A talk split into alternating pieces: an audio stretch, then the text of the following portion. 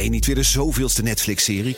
Kom naar de Monday Moves van BNR. Op maandag 18 maart zal op het podium Arend-Jan Boekenstein, Michal van der Toren, Geert-Jan Haan en Bernard Hammelburg. Ze hebben het over geopolitiek. Het is oorlog. Moeten we vechten, vluchten of bevriezen? Onder leiding van mij, Art Rooijakkers. 18 maart dus in het De La Mar Theater in Amsterdam. Check bnr.nl slash mondaymoves.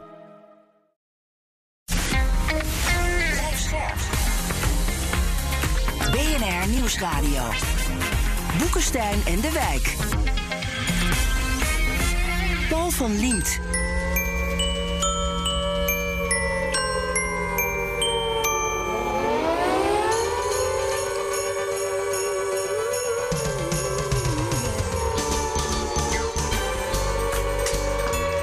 2019, ja, er waren onschuldige tijden. Hadden we een gast die vooruit op 2022 een nieuwe wereldoorlog voorspelde. We spreken hem nu opnieuw bij Boekenstein en de Wijk. Op zoek naar de nieuwe wereldorde met uw trouwe dienaar Arend-Jan Boekenstein er op de Wijk. Dat wil zeggen, Hugo is er niet, Arend-Jan ook niet, gewoon voor één weekje. maar op de Wijk is er wel vanuit Ik wel. Haag. Ja, zeker Rob natuurlijk. Kan niet zonder Boekenstein en de Wijk. Zonder Boekenstein en de Wijk kan niet. En onze gast is Ingo Piepers, oud-marinier, gepromoveerd op de dynamiek van oorlog en vrede.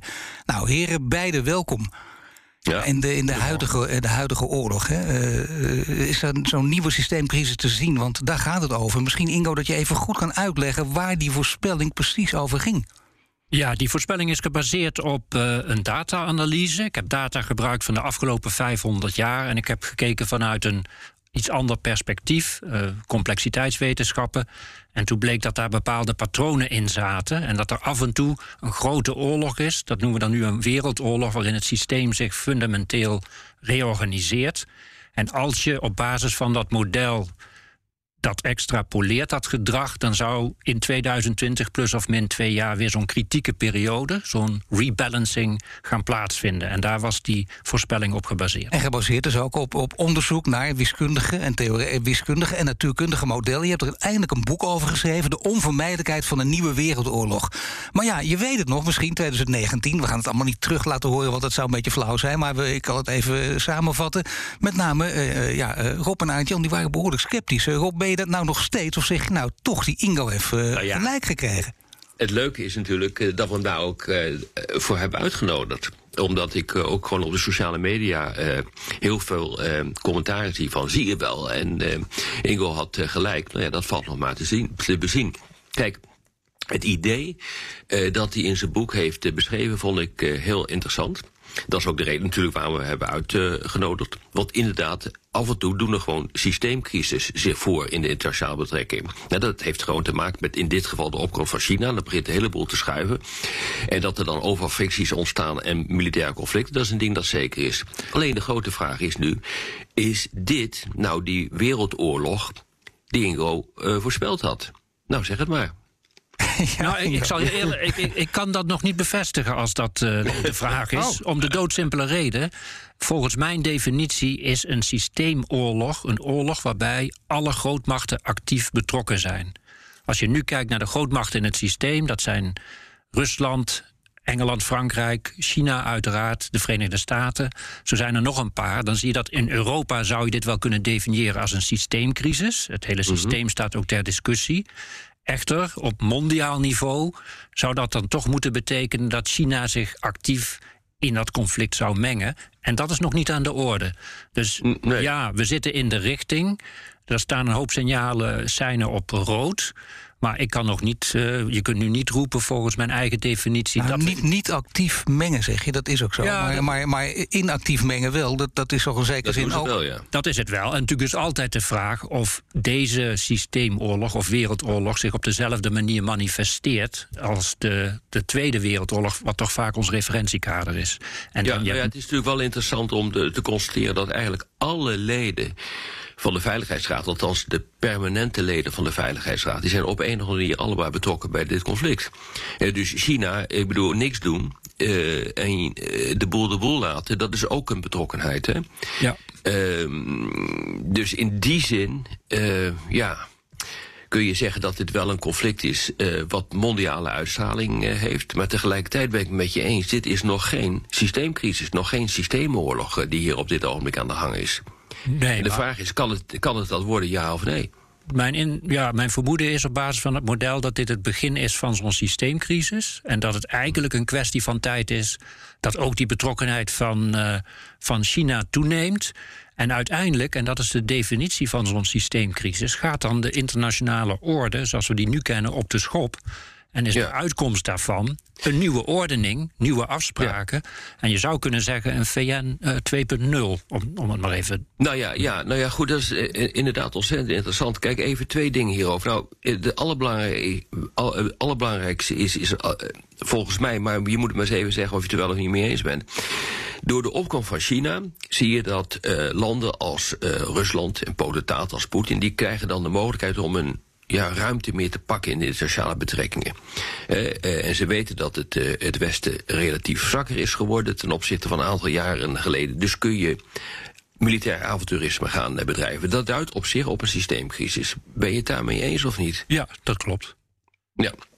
Dus in die zin is er al sprake van een systeemcrisis, alleen nog niet op precies op de manier waarop jij het, waarop jij het zegt. En dan een volgende punt is. Als het echt een systeemcrisis gaat worden, dan moet op een gegeven moment China zeg maar proberen om Taiwan te pakken. Ja. Uh, dan uh, kijkt China uh, van wat gebeurt er in Europa.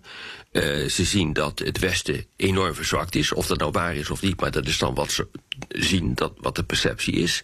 Om vervolgens te kunnen doorpakken op Taiwan. Ik denk dat je dan echt een systeemcrisis hebt die op mondiaal op een oorlog begint te lijken. Ja, dat denk ik ook. En vanuit een meer militair perspectief gezien. China roept natuurlijk altijd dat ze Taiwan terug willen en terug gaan pakken. Daar zijn ze eigenlijk heel duidelijk over. Vanuit een militair perspectief gezien is dan dit ook wel het moment. Om de doodsimpele reden. Ja. De Amerikanen zijn druk bezig in Europa, worden Ja. daar afgeleid. En als je dat dan wil, als China dat wil, dan is dit natuurlijk een goed moment om dat eigenlijk samen op te trekken. Maar bedoel je met dit ook letterlijk dit? Dat, dat gaat over het goede moment. We kunnen jou nooit vastpinnen met zo'n voorspelling op een dag, maar natuurlijk wel rond ongeveer een jaar, twee jaar. Ik, nou, ik val niet van verbazing van mijn stoel als binnen een paar jaar. Want we moeten wel denken... nog Die staat gewoon, hè, dus eh, kom op. Ja, nee. maar nee, dat, dat, dat klopt. Eh, eh, dat kan op relatief korte termijn gebeuren. We moeten ook even kijken, zo'n Tweede Wereldoorlog... Hè, we zeggen achteraf, die begon op 1 september 39. Dat wisten we toen eigenlijk ook nog niet. In mei 40 was de volgende stap... als het gaat over gewapende optreden van de Duitsers... en eh, vervolgens werd de Sovjet-Unie... met andere woorden, het is een soort meertrapsraket... of dat kan het zijn... En dat kan nu ook aan de orde zijn. Als China niet voor, laten we zeggen, 2024 Taiwan is binnengevallen, zit jij er compleet naast. Nee, dat zit ik niet. Volgens mij duurt deze periode volgens datzelfde model. En dan kun je terecht van afvragen: is dat helemaal juist? Maar dat model zegt 2020 plus of min twee jaar. En op basis van de duur van systeemcrisis in het verleden. zou deze dan zo'n 15 tot 17 jaar duren. Dat klinkt heel lang. Maar dat is dan de periode van grote instabiliteit en volatiliteit, waarin dat systeem toch op zoek gaat, interactief door oorlog, economische rivaliteit, naar nieuwe afspraken die dan uiteindelijk worden vastgelegd en weer een periode van langere stabiliteit bieden. Dus Ja, dat zou dan de, de periode zijn, Ingo, eh, waarbij eh, de relatieve machtsverval van het Westen zichtbaar begint te worden. De opkomst van China een feit is. Dat is een periode van enorme fricties. ja, En dan ontstaat er een nieuwe ordening. Nou ja, dat zou dus inderdaad kunnen. Dat is feitelijk waar we het ook wel vaak over hebben gehad. Ja. eh, binnen het, eh, of in het programma. Ja. Ja Nee, dat is, ja, dat is toch interessant erop. Dan ben je daar, eh, wat dat betreft, minder sceptisch dan drie jaar geleden over deze voorspelling. Nee, het punt was toen.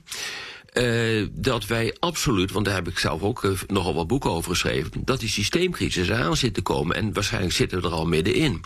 De, de vraag is alleen of je op grond van de data-analyse precies kunt voorspellen hoe dat gaat verlopen. En eh, of het inderdaad klopt dat het 20, eh, 20 plus of 2 eh, pl- plus twee jaar zou zijn. Eh, daar hadden we de discussies over. Maar niet dat er, eh, dat er geen sprake zou zijn van een, eh, van een systeemcrisis, want die is er gewoon.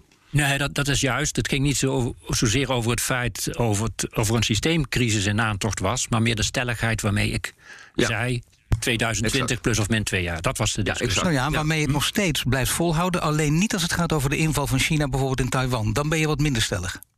Nee, ik denk dat Nee. nu. Nee, nee, dat kan wel degelijk gebeuren. Ik denk Dat kan gebeuren. Dat kan wel degelijk gebeuren. Dat kan morgen gebeuren of over twee jaar. Maar het is wel dezelfde systeemcrisis. Nee, maar het gaat, zeker, maar het kan ook niet. En het kan ook over 15 jaar. Ja. Nou, ja, dat kan. Dat zullen we moeten Ja. zien. Maar mijn, Nee, maar je hebt geen glazen bol. Dat is natuurlijk het hele punt. mijn inschatting is dat het niet 15 jaar op zich laat wachten. Dat dat, Nee, gaat zoveel. Nee, dat- nee dat, dat weten we niet. Maar er gaat zoveel op de helling. Er is zoveel in beweging. Nu te beginnen in Europa. Al die energieleveranties, eh, voedselvoorziening. Dat verandert. eh, de machtsverhoudingen veranderen. Een klein incident kan snel escaleren. Dingen zijn ook heel erg verweven geraakt met elkaar. Al die, die flashpoints. Dus in die zin is het systeem kritiek. Dat als je ergens tegenaan duwt, dan valt het aan de andere kant om. Ja, Ja, het en, interessante en het andere punt was, Ja, eh, Ingo, eh, dat was eh, het punt eh, dat je het had over een, een systeem oorlog. Ja. Ja, dan moet je dus oorlog moet je ontzettend goed definiëren. Daar hebben we toen ook een hele discussie over gehad. Ja. Van in hoeverre is er dan sprake van een oorlog? Stel je voor dat, eh, eh, dat we gelijk krijgen. Want ik deel met jouw mening dat de kans vrij groot is dat op een gegeven moment geprobeerd eh, wordt om Taiwan in handen te krijgen. Dat dat gebeurt zonder een militaire slagenwisseling. Dat zou heel goed kunnen. Dat zou. Eh, dat, op een hè, dat, dat kan. Dat de druk op een of andere manier op de Taiwanese regering zo groot wordt eh, eh, gemaakt. dat ze zeggen van oké, prima, eh, we, gaan, eh, we gaan ons nu helemaal aansluiten bij het, eh, het moederland. Is, er een- is dat dan een, een, wereldcrisis, een wereldoorlog, een systeemcrisis? Zeg het maar. Ik denk het niet. Nou, ja, Want dat is afhankelijk van hoe Taiwan Nee. daar zelf in zit. Maar er is Ja. ook nog een scenario denkbaar dat er niet gevochten wordt, maar dat Ja. eigenlijk China, aangemoedigd door het succes van Rusland, Rusland met haar nuclear blackmail, eenzelfde truc uithaalt. Ja. Eh, en uiteindelijk eh, het Westen niet ingrijpt om escalatie te voorkomen. En dan heb, je Ja, natuurlijk een, ja. dan heb je natuurlijk een systeemoorlog, maar dan is het niet een gewapend treffen in die zin. Ja, dat klopt. En bovendien is het natuurlijk nog wat anders. Eh, er is bijna geen land op de wereld die niet erkent eh, dat Taiwan geen onderdeel is van, eh, van China. Ook de Amerikanen ontkennen dat niet. Ja, die gaan nog steeds van een één-China-beleid uit. Dus in die zin is het maar zeer de vraag. al- Als de verandering van de status quo eh, van Taiwan een feit is, of je dat dus kunt aanmerken als een systeemcrisis. Ja, ik denk, ja, ja, dat zou je kunnen zeggen. Ja. Dat ben ik met je Ja. eens. Ik, ik denk dat het een crisis is, want dingen gaan. Ja, ja dat klopt. Maar ja, ik, is- denk dat er nu meer gaat gebeuren. Wat je nu ziet is eigenlijk dat de vijf permanente leden van de Veiligheidsraad. Ja. die zien zichzelf. dat is hun systeem. Zij hebben de privileges in dat systeem. Maar al die vijf permanente leden houden zich eigenlijk zelf niet meer aan die afspraken. Het hele, de hele ordening klopt niet meer. En eigenlijk heeft klopt. Zelensky met zijn toespraak toch dat eigenlijk heel expliciet gemaakt van de week. Door te zeggen, ja, wat zijn jullie nu eigenlijk mee bezig? Je doet niet wat je moet doen. Rusland zit in die veiligheidsraad en blokkeert elke, veran- of, eh, elke ingreep van enige betekenis om dat geweld te voorkomen. Dus in die zin is het wel een start van een veel fundamentelere discussie dat dat systeem anders moet worden ingericht. En dat kun je ook. volstrekt met je eens hoor. Daar ben ik volstrekt met je eens. Maar dat hoeft nog steeds niet te leiden tot een oorlog. klopt. maar daar ben ik absoluut met je eens. Nee, kijk, we zijn het volstrekt met elkaar eens dat er Ja. een systeemverandering plaatsvindt. Dat is evident. Zonder die systeemverandering had eh, Poetin niet gegokt op een inval in, eh, in Oekraïne. Daar ben ik erg rotsvast van overtuigd. Heeft ook te maken met het feit dat eh, het Westen, met name de Europeanen, hun eh, defensie enorm verwaarloosd hebben. Waardoor het gokken ook een gecalculeerde gok begon eh, te worden. Maar dat er een systeemcrisis is, helemaal mis. Maar ja, Rob, jij komt erop zonder dat je daar wiskundige of natuurkundige modellen voor nodig hebt, of theorieën voor nodig hebt. En Ingo, die heb jij nou juist wel nodig. En dan kom je toch op hetzelfde uit. Terwijl de vraag Ja. blijft wel in, voor, voor Ingo nu even: kan je menselijk gedrag, kun je dat wiskundig benaderen? Nou ja, ik denk dat dat kan als het gaat over collectieven van mensen. Dan maak ik even een beetje een vreemde vergelijking. Als je een gas hebt met heel veel moleculen, dan voldoet zo'n gas aan de wet van Boyle. Dat is een gedetermineerde wet. Dat precies vertelt hoe dat gas eh, reageert. Hè. Druk maar volume is constant bij een bepaalde temperatuur. Blijkbaar geldt dat ook voor sociale systemen als ze een bepaalde omvang bereiken. Maar binnen zo'n gas en binnen zo'n sociaal systeem kunnen moleculen en mensen nog wel degelijk hun eigen ding doen. En wat mijn onderzoek eigenlijk laat zien, of althans daar zijn dan indicaties voor, is dat net zoals we bij een pandemie besmettingsgolven hebben, hoe dat virus zich verspreidt, Uh, die golven zijn voorspelbaar, daar kun je mee rekenen, die kun je beïnvloeden. Dat geldt ook voor de economie als het over conjunctuurgolven gaat. Lijkt het er dus op dat er spannings- en oorlogsgolven zijn. Dat zijn die cycli, die dus ook een zekere voorspellende waarde hebben als het over het collectieve gedrag van het systeem gaat wil niet zeggen dat je kunt voorspellen dat Poetin iets doet, of China iets doet, of de Verenigde Staten. Maar er ontstaat wel een situatie van grote instabiliteit en een, een transformatieproces wat daar dan onderdeel van wordt. Dat is eigenlijk het beeld wat deze inzichten dan opleveren. Nou ja, dat is natuurlijk een aardig dat je op een hele andere manier tot dezelfde conclusies komt. Ja. Uh, die, uh, uh, die experts op het gebied van internationale betrekkingen ook trekken. Namelijk, er zijn golfbewegingen in de geschiedenis waarbij supermachten opkomen en ten onder gaan. En iedere keer als een supermacht ten onder gaat, of althans zijn macht afneemt, dan leidt dat tot fricties in de internationale betrekkingen. En in die zin heb ik jaren geleden ook al opgeschreven dat wat je ziet in de Zuid-Chinese Zee, waarbij eh, de Chinezen proberen om dat gebied onder controle te krijgen, of de situatie rond Taiwan of de Senkaku-eilanden, dat is een zeer nadrukkelijke uitdrukking van die grote veranderingen die plaatsvinden, waarbij China opkomt en zijn vleugels gaat uitslaan en zijn macht wil uh, doen gelden. Nou, dat is precies wat je ziet. En wat je ook ziet is dat de enorme clash die er is tussen Amerika en, uh, en China over wie wordt de winnaar van de nieuwe industriële revolutie, de datarevolutie, dat is er, dat is er ook eentje van. En realiseer je dat in de praktijk hebben uh, supermachten een levensduur van pakweg 80 jaar. Dat dan, dan staan ze op een top. Daarna uh, vervallen ze niet tot Noord-Korea. Maar daarna wordt het uh, minder en dragen ze een stokje over. Kijk maar naar Nederland. Gouden eeuw heeft pakweg 80 jaar geduurd. BNR Nieuwsradio. Boekenstein en de Wijk. Ja, op zoek naar de nieuwe wereldorde. Dit is Boekestein en de Wijk. Is natuurlijk niet zonder Aantje en zijn er op de Wijk. Deze keer helaas zonder Aantje en Boekestein. Hij is er volgende week weer gewoon bij. Abonneer je op de podcast. Je krijgt ook onze dagelijkse updates. Mijn naam is Paul van Diemt. Onze gast is Ingo Piepers. Hij is schrijver van het boek De onvermijdelijkheid van de nieuwe wereldoorlog. Nou, de onevenwichtigheid van die orde die zit er ook in. Jullie komen beide vanuit hele andere invalshoeken toch tot dezelfde conclusies. Als we kijken naar die nieuwe wereldorde, verandert alles. We hebben het over China gehad. Daar moeten we over blijven praten. Want je had het net ook over een periode van hoe lang kan een oorlog oorlog duren, zoals deze bijvoorbeeld.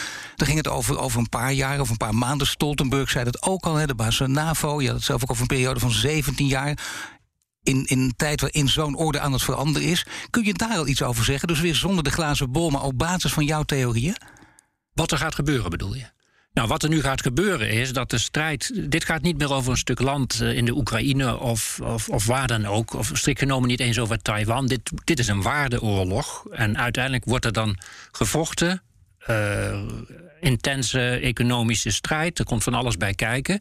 En de inzet wordt dan van ja, hoe gaan we uiteindelijk verder? En dat wordt dan bepaald door de overwinnende partijen, dat zagen we ook in de Tweede Wereldoorlog, die gaan dan in Jalta of in Potsdam om tafel zitten en gaan de koek verdelen en gaan afspreken met elkaar hoe gaan we dit nu doen. Nou, dat wordt dan verankerd in het handvest van de Verenigde Naties, maar dat is het proces wat gaat plaatsvinden op langere termijn. Er komen nieuwe de, mars, de kaarten wordt opnieuw geschud. De meest machtige partijen krijgen het voor het zeggen. Die gaan hun belangen veiligstellen in die nieuwe ordening. Geven zichzelf weer wat privileges, misschien een vetorecht. En op die manier ontstaat dan weer een bepaalde stabiliteit. Omdat die winnende partijen, zeker op dat moment, er het grootste belang bij hebben. dat die internationale orde waar ze zo hard voor hebben gevochten in stand blijft. Ja, je krijgt blokvorming. Ja, je ik denk echt dat, eh, dat is gewoon wat je gaat krijgen. Dat, zie, dat zien we al jaren gebeuren dat er blokvorming komt. Dus China is een blok op zich.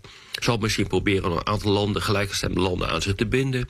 Rusland is een eh, blok op zich met de oude republieken die vroeger onder de Sovjet-Unie vallen, vielen. He, vandaar dat Oekraïne zo belangrijk is. Zonder Oekraïne kan Rusland eigenlijk geen blok vormen. Dat wordt vaak vergeten.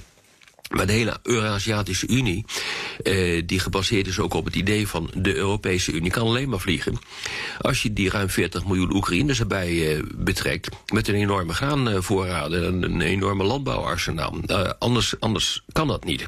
Nou, dan heb je een, een, een westers blok, Europa, Amerika, waarbij het maar echt de vraag is of dat in geheel blijft, omdat we gewoon niet weten ja. wat er in politiek gezien in, in in Amerika gaat gebeuren. En dan is het de grote vraag: wat er gebeurt met al die landen in Zuid-Amerika en Afrika en de rest van, van Azië. Die gaan zich op een of andere manier aansluiten bij die blokken. Zoiets, dat zien we al jaren gebeuren. Dat zal waarschijnlijk nu ook versneld nu gaan gebeuren. En dan zie jij het ook, Rob, dus inderdaad als een oorlog van waarde, zoals Ingo dat omschrijft? Absoluut. Ja, nee, maar weet je, dit zien we al jaren. Ja. Alleen we komen nu uh, tot de conclusie dat het ook echt zo is. Ja, ik bedoel, uh, ja, god, mensen als ik, net zoals Ingo, uh, die worden natuurlijk soms voor gek versleten. Omdat ze met dit soort inzichten komen. Waarvan mensen denken van, ja, nee, ze, ze lullen maar wat. want dat klopt helemaal niet. En je ziet, ik zie het niet gebeuren, dus is het niet zo. Nou, je, je ziet dat dus nu allemaal wel gebeuren.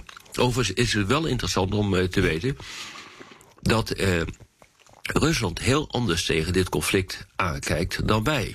Voor Rusland is het een lokaal conflict. Een probleem eh, dat speelt in een buurland waar een kleurenrevolutie dreigt. Oftewel een democratische omwenteling die, tot, die voor alle prijs, tot elke prijs voorkomen moet, uh, moet worden. Dat is denk ik erg belangrijk om dat even je te realiseren. Wij maken er in het Westen een soort systeemoorlog van.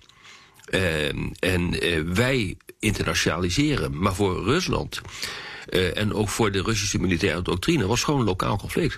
Ja, jullie zaten op één lijn, maar nu zie ik je even knikken. Ja, Althans, nee knikken. Ik, Toen het ging over wij maakten een systeemorde van. Je denkt, dat is het toch wel degelijk of niet, Ingo? Nou, ik, ik zeg even, ik reageer even op wat, eh, wat Rob zegt. Het is in die zin een lokaal conflict, maar in die zin heeft. Voor Rusland, hè? Voor, ja, maar Poetin heeft wel zijn hand overspeeld door. Ja, zeker. Door de positie van. Er een grote bende van gemaakt, dat is niet dat zeker. Nee, maar hij, hij, linkt natuurlijk ook de toekomst van de Oekraïne aan een Europese veiligheidsarchitectuur. Uh, die hij ook ter discussie stelt. Dat is waar. dus hij trekt het wel weer groter. En, uh, ja.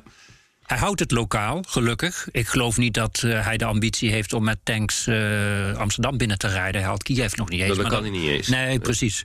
Maar ik denk wat aan de orde is, als wij nu weten of aanvoelen dingen gaan schuiven, uh, dingen worden fundamenteel anders, dan is eigenlijk een beetje de vraag hoe wij als Westen dit gaan framen en gaan, uh, gaan, gaan managen.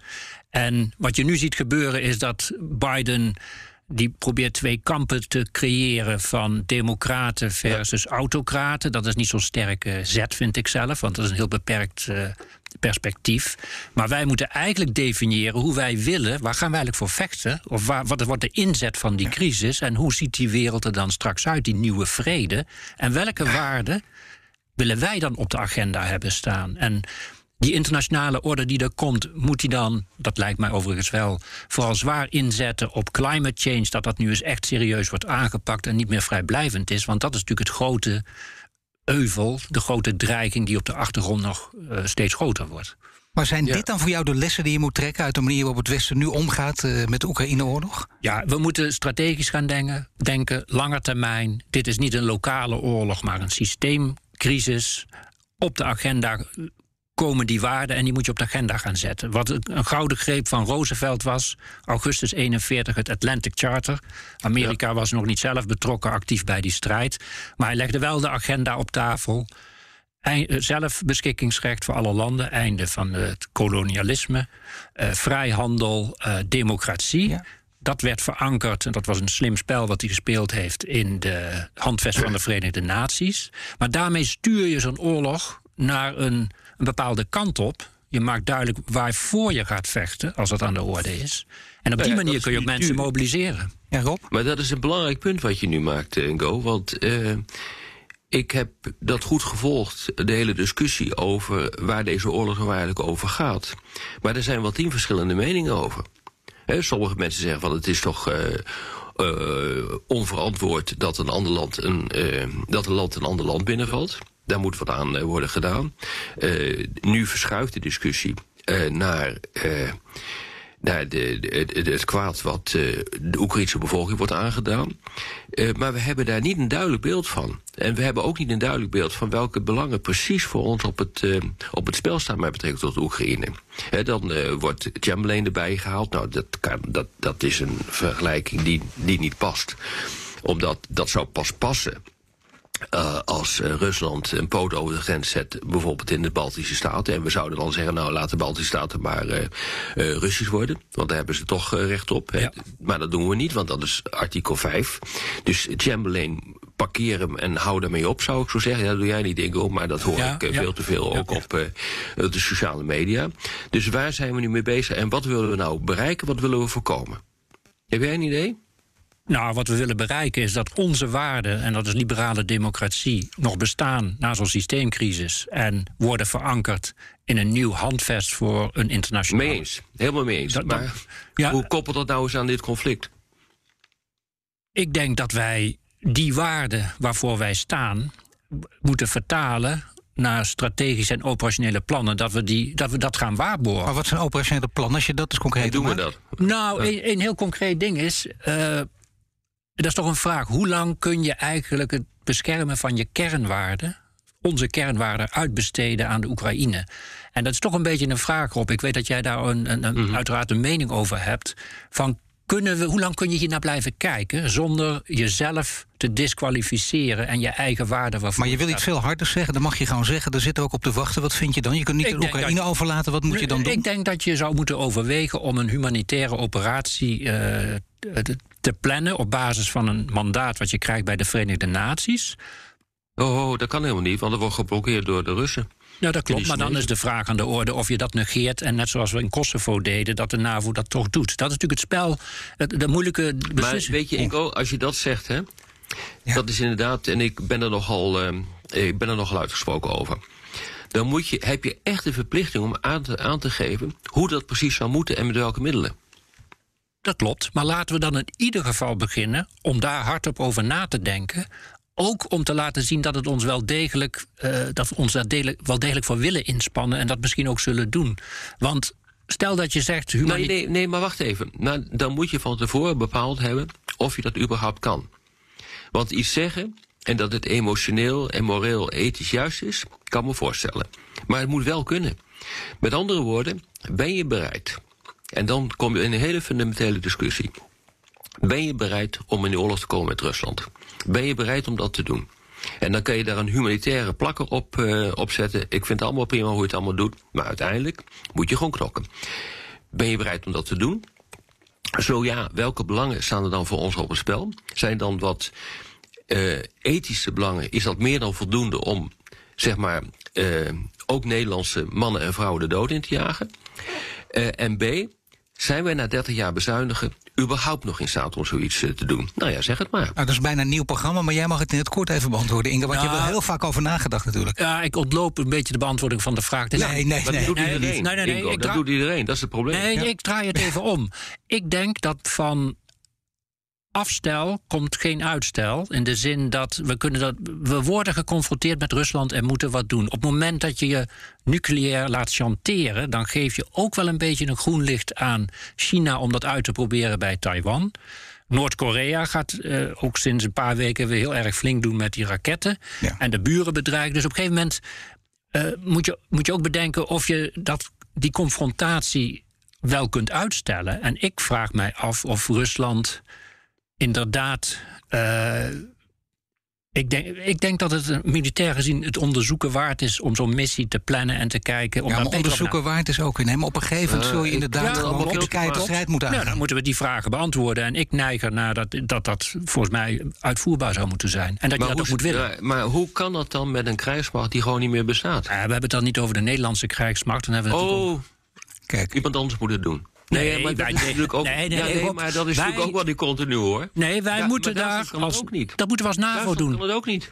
Nee, dat het misschien niet haalbaar is, wil niet zeggen dat we er niet echt serieus over moeten nadenken. Ik denk dat het, Nou ja, het failliet is het van ons. gevaarlijke discussies hoor. Want op het moment dat je zegt, ik ga hier serieus over nadenken, dan is eigenlijk het besluit al genomen. in de internationale nou, politiek. dat, dat, ja, dat, dat weet ik niet. Ik denk dat je erover moet nadenken en dat je. Het feit dat je erover nadenkt, niet betekent dat je het ook doet. Maar daarmee geef je wel een belangrijk signaal af. Nou, ik heb er goed over nagedacht en ik denk dat ik redelijk weet hoe eh, de NAVO in elkaar zit. Daar hebben we echt heel veel onderzoek naar gedaan. Ik zie niet hoe we dat zouden kunnen doen. Hoe we dat logistiek zouden moeten doen. Ik zie niet hoe we dat zouden. We, ont, we, ontbreken de gevechtskracht. Realiseer je dat wij de afgelopen 30 jaar onze krijgsmachten hebben omgebouwd. tot krijgsmachten voor vredes- en stabilisatieoperaties. Niet voor gevechtsoperaties. Zeker niet op een grote schaal. We kunnen een klein beetje met special forces kunnen we toch het een en ander, maar we kunnen niet zoveel. He, alle zwapen, zware wapensystemen zijn gewoon afgeschaft. En die heb je nu nodig. Maar, nu even. Ingo, het laatste woord. Nu, ja, want het, dan zijn we echt door de tijd. Wij kunnen niet veel, maar het lijkt erop dat Rusland helemaal niks kan. Dus in die zin heeft, is de situatie ook wel veranderd. Van ons, onze inzichten zijn nu wezenlijk veranderd. En dan moeten we ook uh, ons. Nou ja, goed. Als je, dat betekent als je dit gaat doen, dat uh, de vitale belangen van Rusland op het spel komen te staan. En Rusland en uh, Poetin heeft al gezegd, dan ga ik kernwapens inzetten. Dus ben je bereid om dat risico te nemen? Ik denk dat, de, voor... ik denk dat de economische sancties de, een existentiële bedreiging gaan vormen voor Rusland. Ook. En ook. dat moeten we ook niet uit het oog verliezen. We creëren uiteindelijk toch een situatie. Inzetten, als je militair gaat inzetten, dan, dan kom je gewoon in een kernwapenoorlog terecht. Ik bedoel, dat is wel, dat is wel zeker op dit ogenblik. Nou, ben je bereid om dat te doen? Nou, nee, toch, ik vind toch het, het laatste gemakkelijk. Dat is mijn hele punt. Ik vind het gewoon te gemakkelijk. Iedereen mag erover discussiëren. Iedereen mag erover filosoferen. Je mag uh, er heel goed over nadenken. Ik denk dat ik dat heb gedaan. Uh, en ik kom tot de conclusie, jongens, uh, de risico's zijn gewoon veel te groot. En de, en de kans op succes is te klein. Op de radio ronden we af, maar in de podcast gaan we langer door met luisteraarsvragen. Luistert u op de radio, dan verwijs ik naar boekensijnendewijk.nl of uw favoriete podcast-app. Rob Roenhorst wil het volgende weten. In hoeverre is er in deze oorlog een cumulatieve radicalisering aan de gang... die kan leiden tot ongecontroleerd geweld? En daarnaast vraagt Oekraïne om meer wapens. Het lijkt er steeds meer op dat zij en de VS Poetin geen uitweg bieden. Waarom? Dit kost geld en mensenlevens, Rob.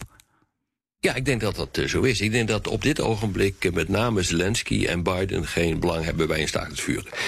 En dat uh, de Russen eigenlijk een groter belang hebben bij een staakt het op dit ogenblik. Zullen ze nu nog niet precies doen. Ze willen eerst consolideren in de Donbass. En misschien ook uh, het stuk uh, uh, tussen de Krim en de Donbass onder controle krijgt. Dat zal gebeuren als Mariupol valt. Nou, dat kan elk moment gebeuren. Ja, en dan, ja, dan krijg je gewoon een totaal nieuwe situatie. Dus kun je denken dat er dan een staakt het vuren komt. Maar ik denk dat er op dit ogenblik een situatie aan het ontstaan is. waarbij zowel Zelensky als Biden zeggen van we persen nog even door met wapenleveranties en sancties. En dan winnen we. Dan heb ik een vraag van Thomas Dijker en die is gericht aan, aan Ingo. Is dit conflict het voorziene conflict volgens de studie van de heer Piepers... of was het eigenlijk een conflict met China? Of is de gevolgde aanpak generieker? Nou, ik denk dat dit de start is van een wat groter conflict. Een van de eerste domino-stenen die omvalt. En van het een komt het ander. En het, is een, het kan dan een meertrapsraket zijn. Uh, wat we in het programma ook hebben besproken. Dus dit kan inderdaad de start zijn van zo'n systeemcrisis of systeemoorlog. Um, dat zal de tijd leren, maar daar ziet het wel naar uit. En dan Juri Nijs, die dat, dat, een beetje in aansluiting daarop... in hoeverre houdt het onderzoek naar systeemcrisis rekening met potentiële dempende krachten... zoals het Westen, dat als een hecht democratisch blok kan voorkomen... dat landen als China op de middellange tot lange termijn... volledig hun wil aan de wereld opleggen. Ja, daar houden natuurlijk weer rekening mee. De grote onzekere factor is uh, natuurlijk de westerse samenleving zelf. En aan de ene kant uh, zien we binnen de westerse wereld allerlei populistische krachten die de boel uit elkaar spelen. Maar tegelijkertijd is de toekomst van de transatlantische relaties... de relatie ook niet zeker. Omdat we gewoon niet weten wie de opvolger van, uh, van Biden wordt. Als dat Trump wordt of een kloon daarvan... ja, dan valt die westerse wereld ook uit elkaar. En dan heeft dat een enorme consequentie... Uh, voor het in bedwang houden van China. Dus we weten het gewoon niet. Ja, we moeten ons ook realiseren dat Rusland nog wel degelijk haar politieke doelstellingen met deze oorlog kan bereiken. Dat is namelijk dat de NAVO nooit, uh, dat de Oekraïne nooit NAVO-lid wordt, een neutrale status krijgt. Dat klopt. En als het nog maar even duurt, dan valt uh, dat Westen, wat nu nog wel met elkaar eens is, dat valt uit elkaar. Of de NAVO. Ja. Dus in die zin zijn er grote risico's. Wat is Europa nog eh, als we Le Pen in Frankrijk hebben? En als we Klopt. straks Trump in Amerika hebben, dan leven we in een heel andere wereld. Ja, zeker. Met heel andere perspectieven, ook in, dit, ja. in deze crisis. Ja. ja. Nou ja, Gabriel Hendricks Maceda die, die uh, zegt het nog scherper. Die zegt: kijken we op dit moment naar het uit elkaar vallen van de westerse wereldorde, waarin Amerika een leidende rol speelt. Is dat, is dat voor eens en voor al nu duidelijk of zitten er nog heel veel twijfels aan? Ingo? Nee, we kunnen nog alle kanten op. Het is niet vanzelfsprekend. Daarom is het zo belangrijk dat we als Westen om te beginnen definiëren wat de inzet wordt van deze crisis en waar we naartoe willen. En hoe we daar dan denken te komen. Maar we moeten niet zo'n simpele twee, tweespalt van autocratie versus democratie. Waarvoor, waarover gaat dit? Welke waarden staan op het spel? En hoe denken we dat dan te moeten verankeren? En hoe gaan we ons daarvoor inzetten? Ik denk dat dat. Nou ja, het gaat natuurlijk ook over hoe ordeneer je de Europese veiligheid. Ja. Ja, dat, en dat is gewoon de, de, de, de crux. En dat heeft weinig met waarde te maken. Dat is ook gewoon echte realpolitiek. En in die realpolitiek kan het zo zijn dat uiteindelijk Amerika een, een nog leidende rol speelt dan nu? Nou ja, het hele punt is dat, uh, en dat is ook de reden waarom Biden absoluut geen oorlog wil in Europa. En dus ook dat idee waar we het even voor uh, in, het, um, in het programma over hebben gehad. Namelijk, uh, wat, gaat, wat gaat het Westen doen? En gaan ze een operatie voorbereiden en komen ze in oorlog met Rusland? Er is geen enkel belang voor Amerika om dat te doen. En de reden is vrij simpel. Als dat fout gaat. En er moeten heel veel militaire middelen aan worden gespendeerd door, door Biden. Dan verzakken ze gigantisch in het. in het oosten, in Azië. En dan uh, komt uh, de situatie dichterbij dat uh, China zal gaan voor avonturisme tegen Taiwan. dus Amerika heeft er totaal geen enkel belang bij om de boel hier compleet uit de klauwen te laten lopen. Ja, Biden wil het niet en Europa kan het niet zelfstandig optreden nee. in, in, als het over Rusland zou gaan. Dus in die dus zin moeten we niet, Dus moeten we, om nog even terug te komen op het punt, dus moeten we niet eens over na willen denken hoe we dat uh, gaan doen. Nou, misschien toch, Ingo? Nou, ja, ik, ik, Rob, ik denk dat je erover moet nadenken... en dat je die discussie wel moet voeren. Al is het alleen maar om duidelijk te maken waarvoor je staat en dat helder te krijgen. En dat wil niet zeggen dat je meteen. Uh, dat, dat dat misschien niet haalbaar is, uh, zo'n operatie. Wil niet zeggen dat je dat niet moet onderzoeken. We zijn nu veel te reactief en te passief. En dat is... Ja, ik vind, nou, kom. Uh, de, de, de sancties hebben geen precedent. De wapenleveranties hebben geen precedent. Ik vind niet dat wij zo, zo reactief zijn hoor, op dit ogenblik.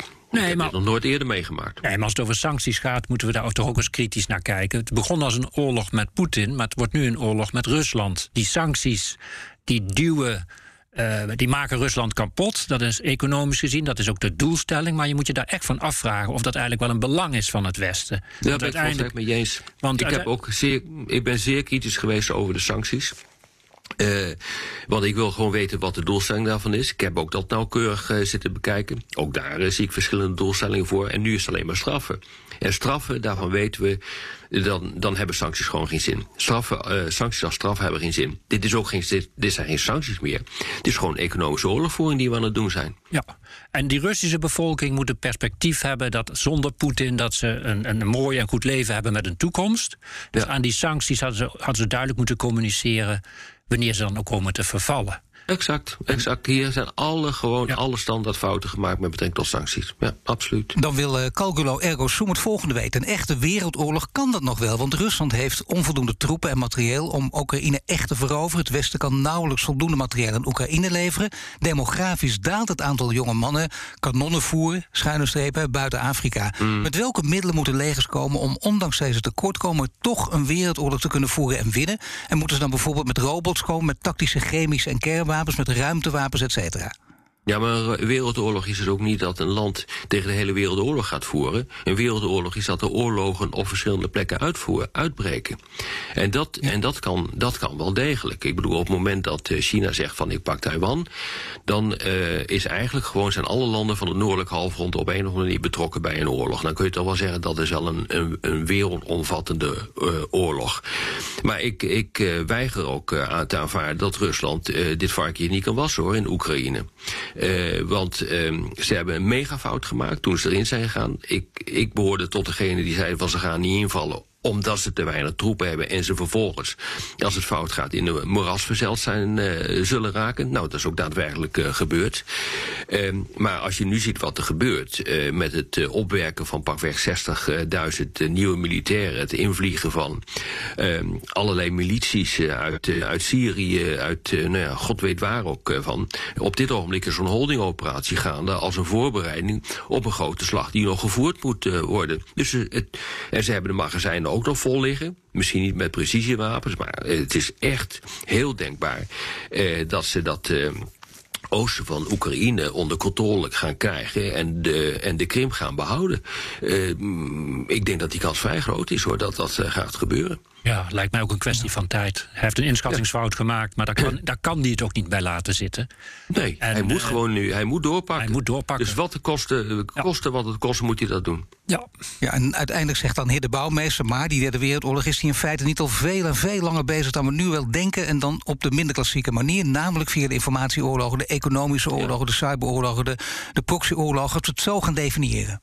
Het is een systeemcrisis waar we het al heel lang over gehad eh, hebben. Ook in dit programma doen we al jaren. Maar het is een systeemcrisis, die is al heel lang zichtbaar, dat klopt. Ja, die nu een nieuw moment heeft bereikt met die inval... waar die meer kinetisch wordt, om het maar zo te zeggen. Ja. Maar dat die strijd en competitie er is... en dat we dingen via cyber kapot maken... waar je vroeger een bom voor nodig had... en dat het al veel langer aan de orde is. Ja, dat is zeker zo. Dat is gewoon zo. Ja.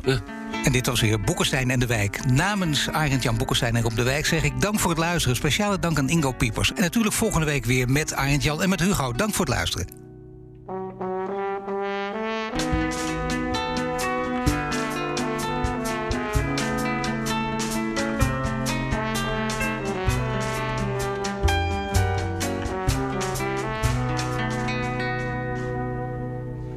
Je hebt aardig wat vermogen opgebouwd.